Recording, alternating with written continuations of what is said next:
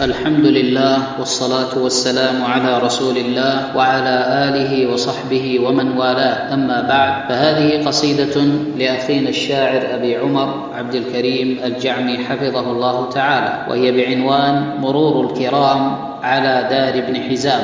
من شاء أن يبكي على ابن حزام فليبكي. ما في الدار غير خيام فليبكي. ما في الدار غير مفارش للضاعنين ومطبخ لطعام رحل الأولى كانت ولا زالت لهم ذي السنة الغراء خير مرام من ألقمتهم ثديها برضاعة لم يبتلوا منها بسوء فطام لم يبق غير سرور يصدر أمره أو زاهر كرى على ابن حزام أو غير بطحان يدافع عنكم بالجهل لا بأدلة الأحكام.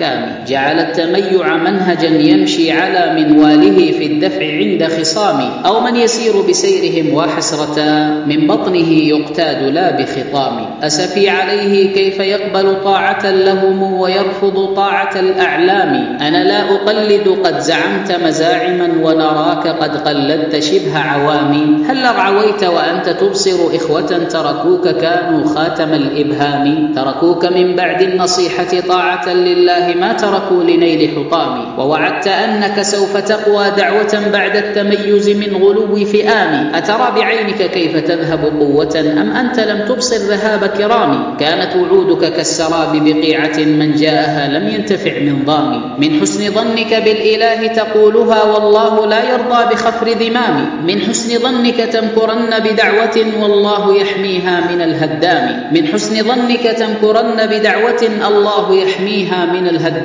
ظهر المجن قلبت للشيخ الذي رباك واستعديت بالأخصام. جازيت من أولاك حسن رعاية بجزاء سمار جزاء لئام ولقد رمى الطلاب زاهر بالذي يرمى به من سار خلف حرام. لا رد شلا يا جحوم يقولها وهو الأحق بها من الأقوام. إذا أنكم أنتم تركتم دعوة ملأت بطون السهل والآكام وجريتم خلف التحزب بعدما كنتم بها تدعون للإسلام. العالمين